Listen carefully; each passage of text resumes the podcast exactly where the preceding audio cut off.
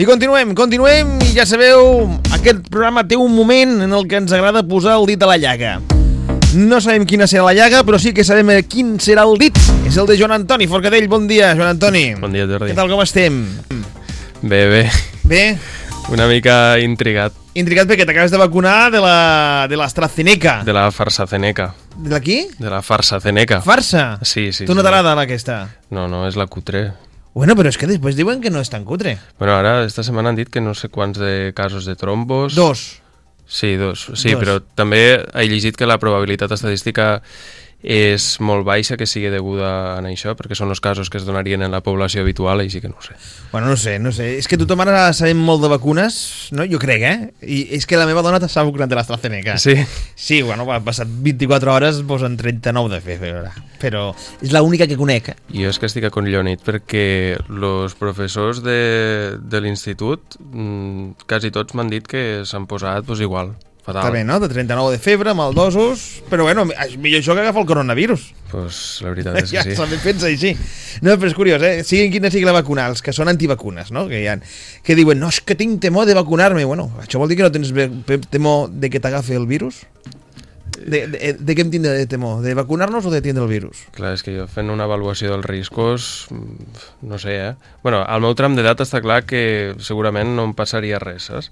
Sí, està Però bueno, tu ets per la- jove. clar. O sigui, tu ets més jove que jo i te vacunaràs abans que jo. Sí, no, no això té cap també, sentit. Això també s'hauria de cap valorar una mica, no? O sigui, tu tens a, a casa família. Clar, i Més gran abans, que- abans que mons pares i abans que ma iaia, que té Sí, sí, sí. 77 Clar, anys. ta iaia, igual que la meva, que té 90, no l'han vacunat, Pues, no?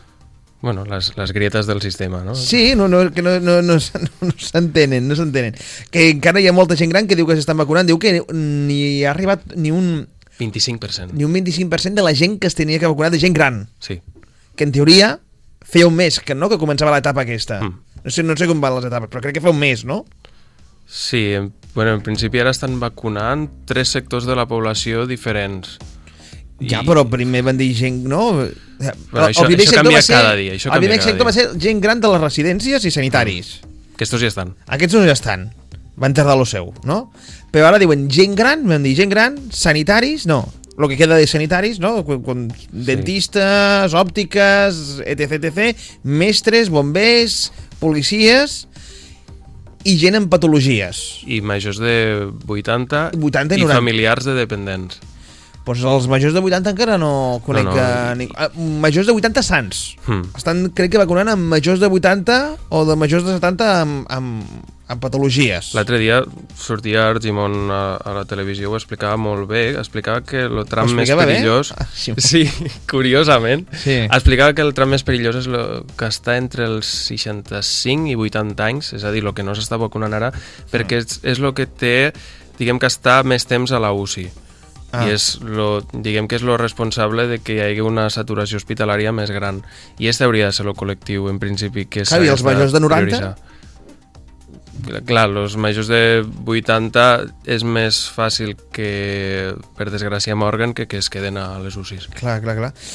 Ja, I tot això se fa, recordem que és perquè no hi ha una pressió sanitària, no? que no hi hagin Clar, en, el- moltes en el moment que desaparegui este risc, les restriccions ja deixen de, de tenir sentit. Bueno.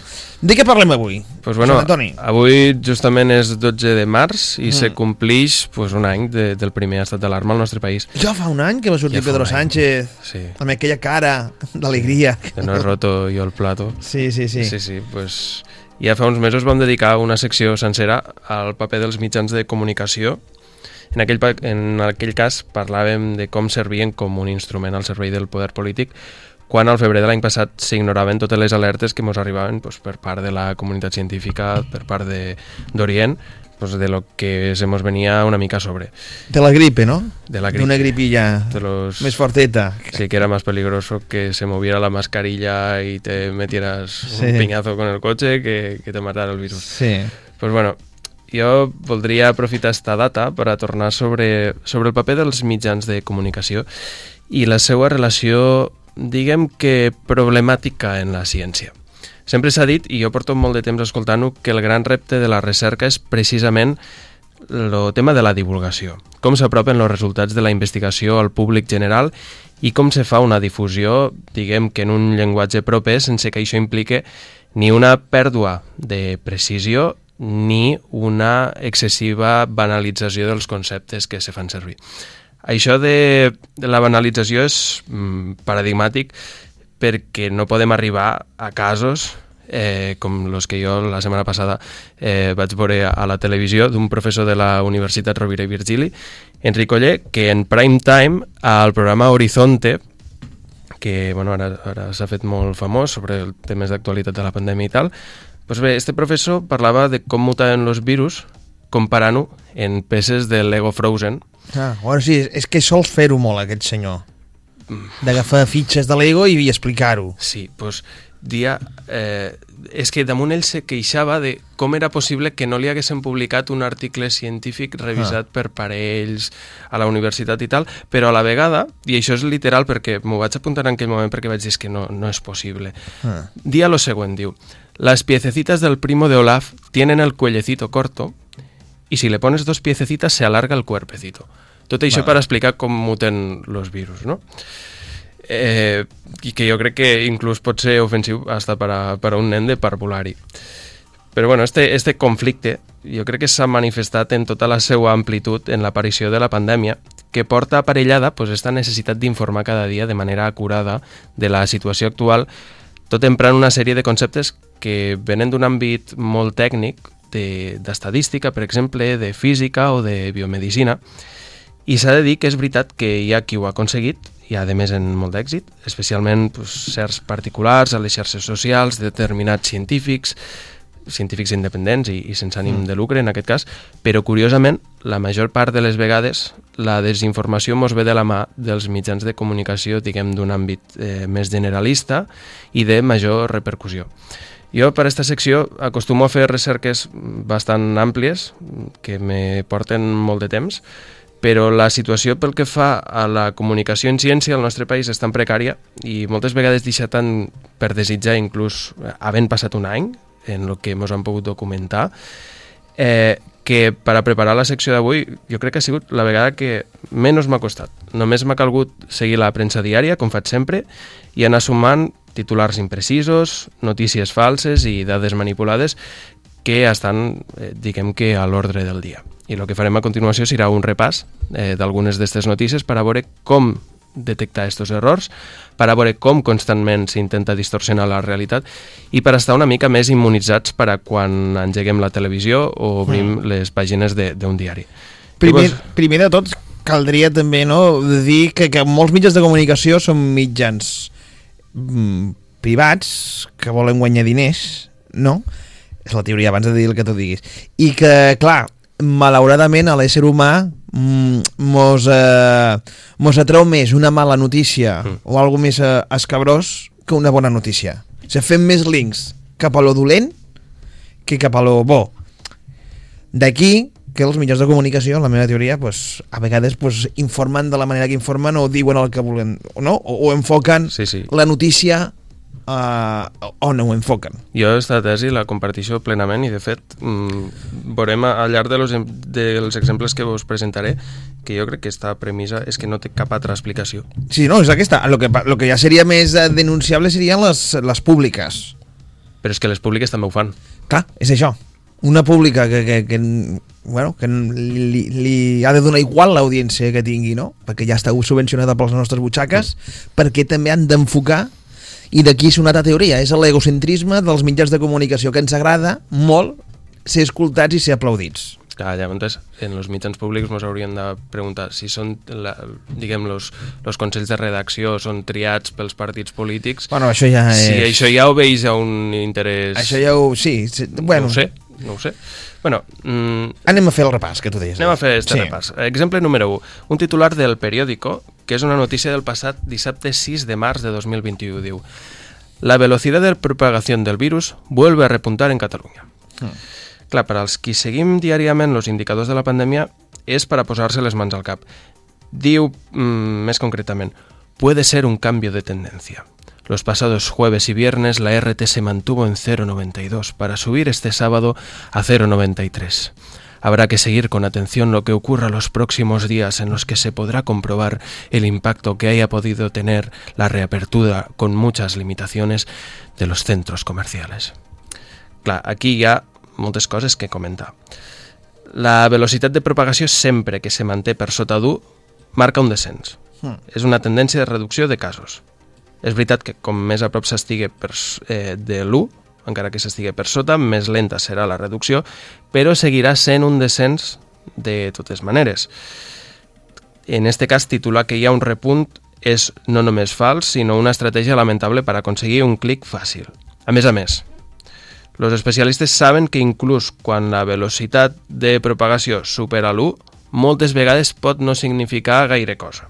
En primer lloc, perquè el càlcul que fa el Departament de Salut no és gaire ajustat, hi ha molta discussió científica sobre aquest aspecte, Sobretot per les dades que arriben. Sí, i a més perquè moltes vegades se produeixen eh, retards de notificació. Per exemple, este dimarts se van notificar 300 casos que mos venen del gener i del febrer.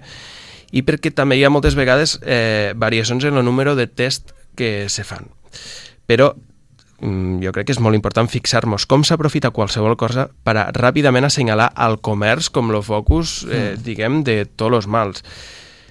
Este és un cas. Exemple número 2. Un titular de La Voz de Galicia del 5 de març de 2021. Diu, repuntan los contagios por encima de los 200. Doble de positivos diarios que el lunes. Durante la última semana se han incrementado los nuevos positivos. Això com a titular i com a entradeta.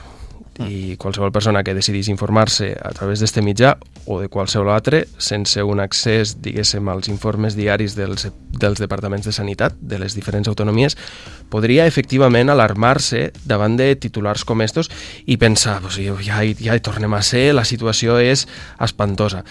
I anem a veure com la Voz de Galícia retors les dades a la seva voluntat. Mm, lo cert és que estadísticament al llarg de la setmana sempre hi ha variacions d'un dia per a l'altre. Això és inevitable. Pot ser que avui, per exemple, tinguem 1.000 casos i demà ne tinguem 1.200. Però això no significa necessàriament que la pandèmia estigui en expansió. Les dades epidemiològiques cal mirar-les per tendències, perquè de manera natural, al llarg de tots els dies d'una setmana, les dades sempre són diferents. és com la bolsa, no?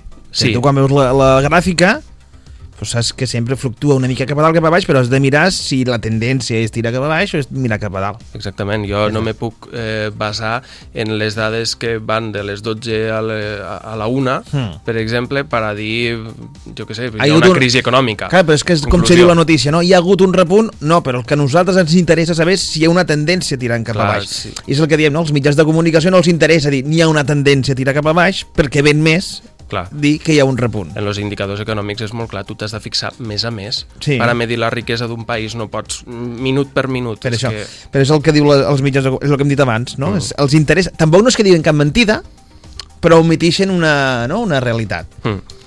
A més a més, sobre este tema, eh, és veritat que hi ha mm, vegades que se notifiquen casos en dies de retard i també coincideix que se detecten més casos els dies laborables que és quan més activitat hi ha als centres mèdics. Les dades de dilluns a dimarts sempre solen ser, per exemple, lo doble de les del dia anterior perquè les dades de dilluns són en realitat les dades de diumenge, Mhm. quan és eh, que hi ha els centres de salut, eh, hi ha més centres de salut tancats, diguéssim. No és que hi hagi brutals repunts o explosions de casos de dilluns a dimarts. En tot cas, si hi hagués increments, sempre s'hauria de mirar setmana per setmana i no dia a dia. Però què és el que fa la Voz de Galícia? Pues compara les dades d'un divendres en les dades del dilluns anterior. I això és profundament tendenciós i això és una trampa. Una cosa que podem fer, que és més o menys fiable, és, per exemple, fixar-nos en quants de casos concrets s'han detectat en un dia específic de la setmana, per exemple, en un divendres, i comparar-los en los del divendres anterior. Això ja és, una mica, és un indicador una mica més fiable i sol ser bastant, mm, diguem que sol quadrar. Si fem això, per exemple, en Galícia veiem que el divendres 5 de març se notificaven 210 casos, mentre que el divendres immediatament anterior, el 26 de febrer, se detectaven 272. És a dir, que en tendència general hi ha hagut una, redu una reducció de 62 casos, en realitat. Això, quan a casos. Anem als, hospital, als hospitals. Eh, feia el mateix, per exemple, el periòdic en un titular del diumenge 7 de març del 2021, però en el tema de les hospitalitzacions. Diu, la epidemia se estanca en Cataluña con un aumento de las hospitalizaciones. I bé, no se pot acusar al titular de mentir estrictament, és una veritat, però és una veritat a mitges com tot el que estem veient, és una mirada interessada sobre les dades. En els hospitals sol passar més o menys el mateix que ens passa en els casos durant la setmana. D'una banda, en caps de setmana no se solen donar tantes altes com els dies laborables i d'altra també hi ha retards de notificació. La dada d'un sol dia per si sola no diu res. Si comparem les de setmana a setmana, en aquest cas veiem, per exemple, que el 7 de març hi havia hospitalitzats a Catalunya exactament 134 persones menys que el mateix dia de la setmana anterior, el 28 de febrer. I sent estrictes, davant d'esta evidència no se pot titular en cap cas que la epidèmia s'estanca, i menys quan la situació... Eh, I menys perquè, per exemple, posem-nos en el cas de les vegades que la epidèmia realment comença a augmentar, hmm. en estos casos, per exemple, si hi hagués, en, en comptes que hi ha hagut ara una reducció de pràcticament 130 persones, si hi hagués un augment, els titulars serien augment brutal de les hospitalitzacions, vull dir que sempre la dada ha, ha de ser negativa, sempre la dada s'ha de donar és de manera negativa, sigui la realitat negativa o sigui positiva. Bé, vist això, el cas del periòdico, podríem anar ja al cas que jo crec que és realment més esgarrifós. No hi ha tant pel contingut en si, que està una mica en la tònica habitual de tot el que hem anat veient, sinó per qui signa la notícia. És un titular del 24 de febrer de 2021 que jo crec que és dels més espaterrans que he llegit mai. És un titular de Neutral i diu Catalunya registra más de 3.000 nuevos casos de Covid. Bé, on, on està la trampa? Perquè en un això principi... va fa una setmana, això. Sí. Eh, en un principi eh, podria no semblar... Eh, podria ser mm, tot l'objectiu que pot ser el titular. Eh, el que fa este portal en realitat en comptes d'informar, com sempre se fa, de les dades del dia anterior, hmm. agafa i suma les dades de dos dies seguits. En realitat, el 24 de febrer, Salut va notificar 1.696 casos, però per aconseguir el clic fàcil van optar per emetre esta dada que necessàriament ens havia de sorprendre perquè era la dada, és una dada elevadíssima, 3.000 casos, o sigui, 3.000 casos només los, los estem notificant en els pitjors moments de, de l'epidèmia, quan diguem que estem a prop de, del que es diu lo pic. Eh, clar, en ningú moment, quan van penjar la notícia, ni dins del mateix cos de la notícia dient que eren dades de dos dies seguits. I això ho vaig tenir que anar a consultar perquè, clar, la dada me va, me va sorprendre moltíssim. Vaig a les dades de salut i veig efectivament que, que acaben de sumar les dades de, de dos dies seguits, a més en tota... Però sense dir-ho. Sense dir-ho i en tota la desvergonya del món. Però en el titular, quan, eh, quan ho desenvolupen, tampoc ho diuen. Tampoc ho diuen tampoc ho diuen. Clar, aquí la ironia està servida perquè recordem què és neutral. Neutral és una empresa de mm. verificació de notícies falses. És l'empresa fundada per Ana Pastor, la, la periodista de l'Objetivo, la de sí, Más sí, Periodismo. Sí, sí. Clar, on queda el seu prestigi quan informa d'una notícia que ja no és imprecisa, sinó que és directament falsa. Uh -huh. Vull dir, no ho sé. Que és la mateixa empresa que utilitza Facebook per a, Exactament. per a eliminar les notícies, no? Els fake news. Vull dir que ara se suposa que haguessin Facebook... No han, de, no han dit res. L'Anna Pastor i tot això no ha dit res. No. No ha demanat sí, disculpes. No, ni... no, no, no. Jo vaig estar tot el dia dic, actualitzant, a veure si, si ho canvien, si rectifiquen. No sé, qui, qui, qui vigila els vigilants, no? Clar, clar, Watchmen. Doncs pues està clar. Eh, I no creguem mm, vist tot això que acabem de veure, no creguem que és una cosa exclusivament eh, dels periodistes. No és un cas només de negligència professional per part d'aquest sector. Passa exactament el mateix inclús en alguns científics i la seva manera de divulgar. Perquè per alguns, per desgràcia, aquesta situació tan complicada que estem vivint s'ha convertit en un altaveu mediàtic, en una manera de guanyar fama i notorietat pública i en una forma de sentir-se reconeguts. Que és veritat que fins que no mos fa falta la ciència sempre la tendim a menys tenir com a societat. Però l'últim que pot ser la investigació és un vehicle per a saciar els egos individuals d'una persona. Jo crec que seria la pitjor notícia per a la comunitat acadèmica que s'acabés convertint en això. pues bueno, pels platós sempre ronda l'expert de turno, el que dona receptes màgiques, el que té la raó absoluta, que sol ser sempre el que crida més, el que més se queixa de com va la situació mm. o el que advoca directament ja per mesures més restrictives, que són els més catastrofistes, i d'estos n'hi ha moltíssims. Mirem, per exemple, com comunica Àlex Arenas, a través del seu compte de Twitter. Àlex Arenas és físic i investigador de la Universitat Rovira i Virgili. És un investigador amb molta presència als mitjans de comunicació, precisament en aquest cas sempre surt a TV1 i a TV3.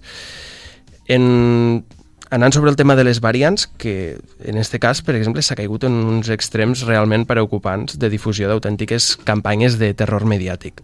La, fent una mica d'explicació, la, la imposició d'una variant sobre una altra és una dinàmica més o menys natural eh, per selecció natural en, en l'evolució de qualsevol eh, pandèmia.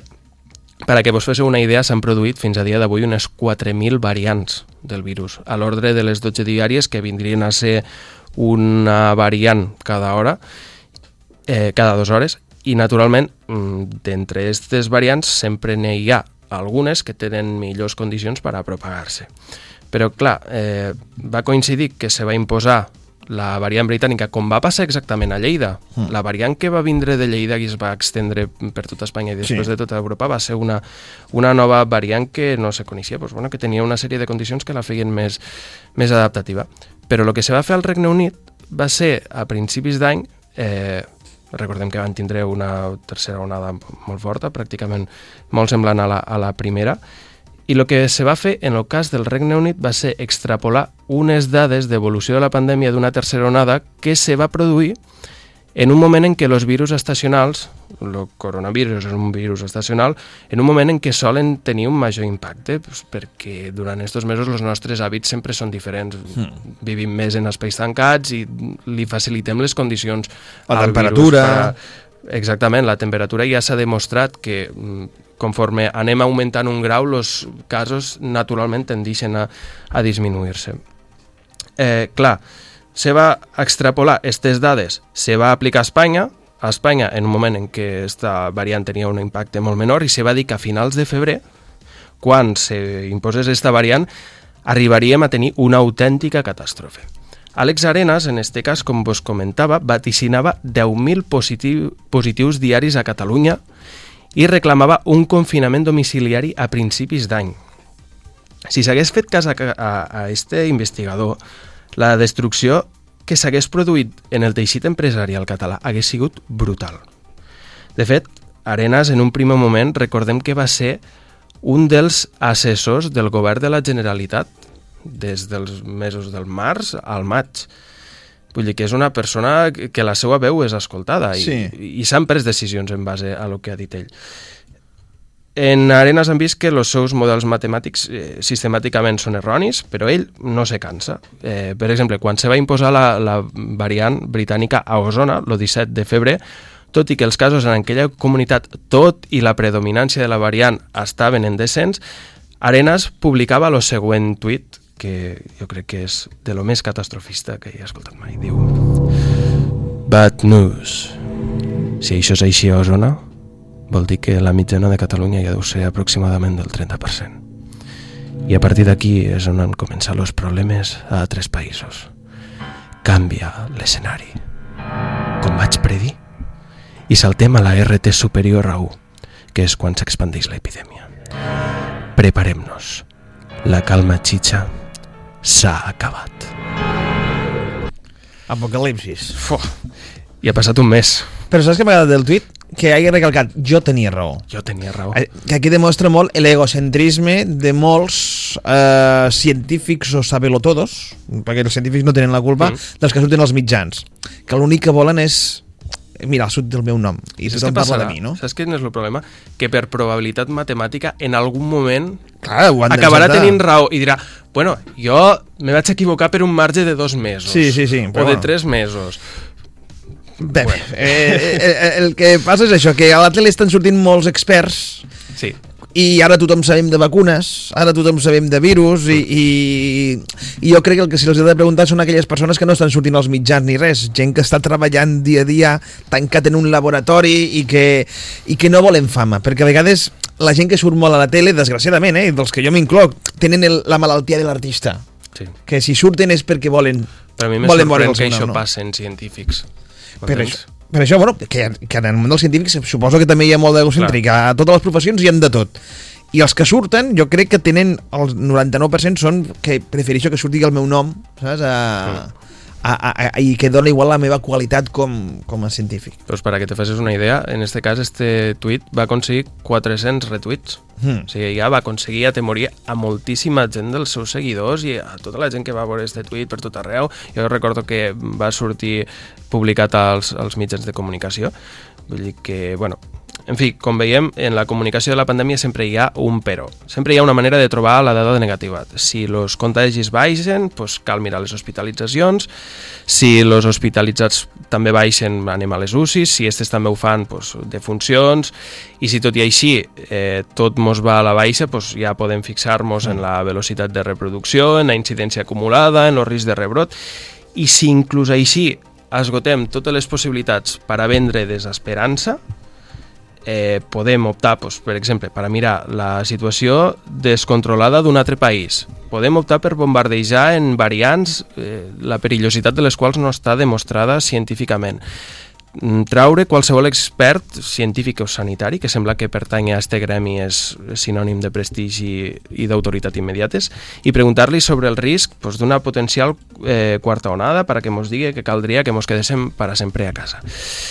Jo crec que mm, moltes vegades, per més que la lletra petita estigui, perquè estos titulars de vegades mm, és veritat que dins del cos de la notícia s'acaben esclarint, de vegades no, Mm. com la canvies en, en neutral, la tendència sol ser a llegir només els titulars i el titular és una espècie natural sensacionalista és un i- cebo, és un cebo per a guanyar sí, sí. clics I com diem al principi, ens podem preguntar en tot això, a què obeixen tots aquests missatges?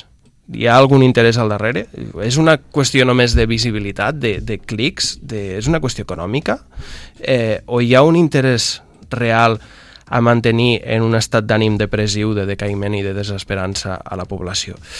Jo personalment no, no ho sé, Mm, com diria una persona a qui estimo molt, preocupar-se és ocupar la ment abans de temps i no és ni necessari, ni prudent, ni bo. La situació sanitària i econòmica jo crec que ja és prou devastadora com per a que continuem eh, fent cas a, estos tipo, a tipus de missatges i m'agradaria, per tant, acabar la meva secció en un propòsit, en un propòsit que és el d'enviar un missatge que jo crec que, vist l'estat general de coses, semblaria inclús que és revolucionari i és que jo crec que l'esperança és l'única opció, jo crec que és l'única realitat ara mateix.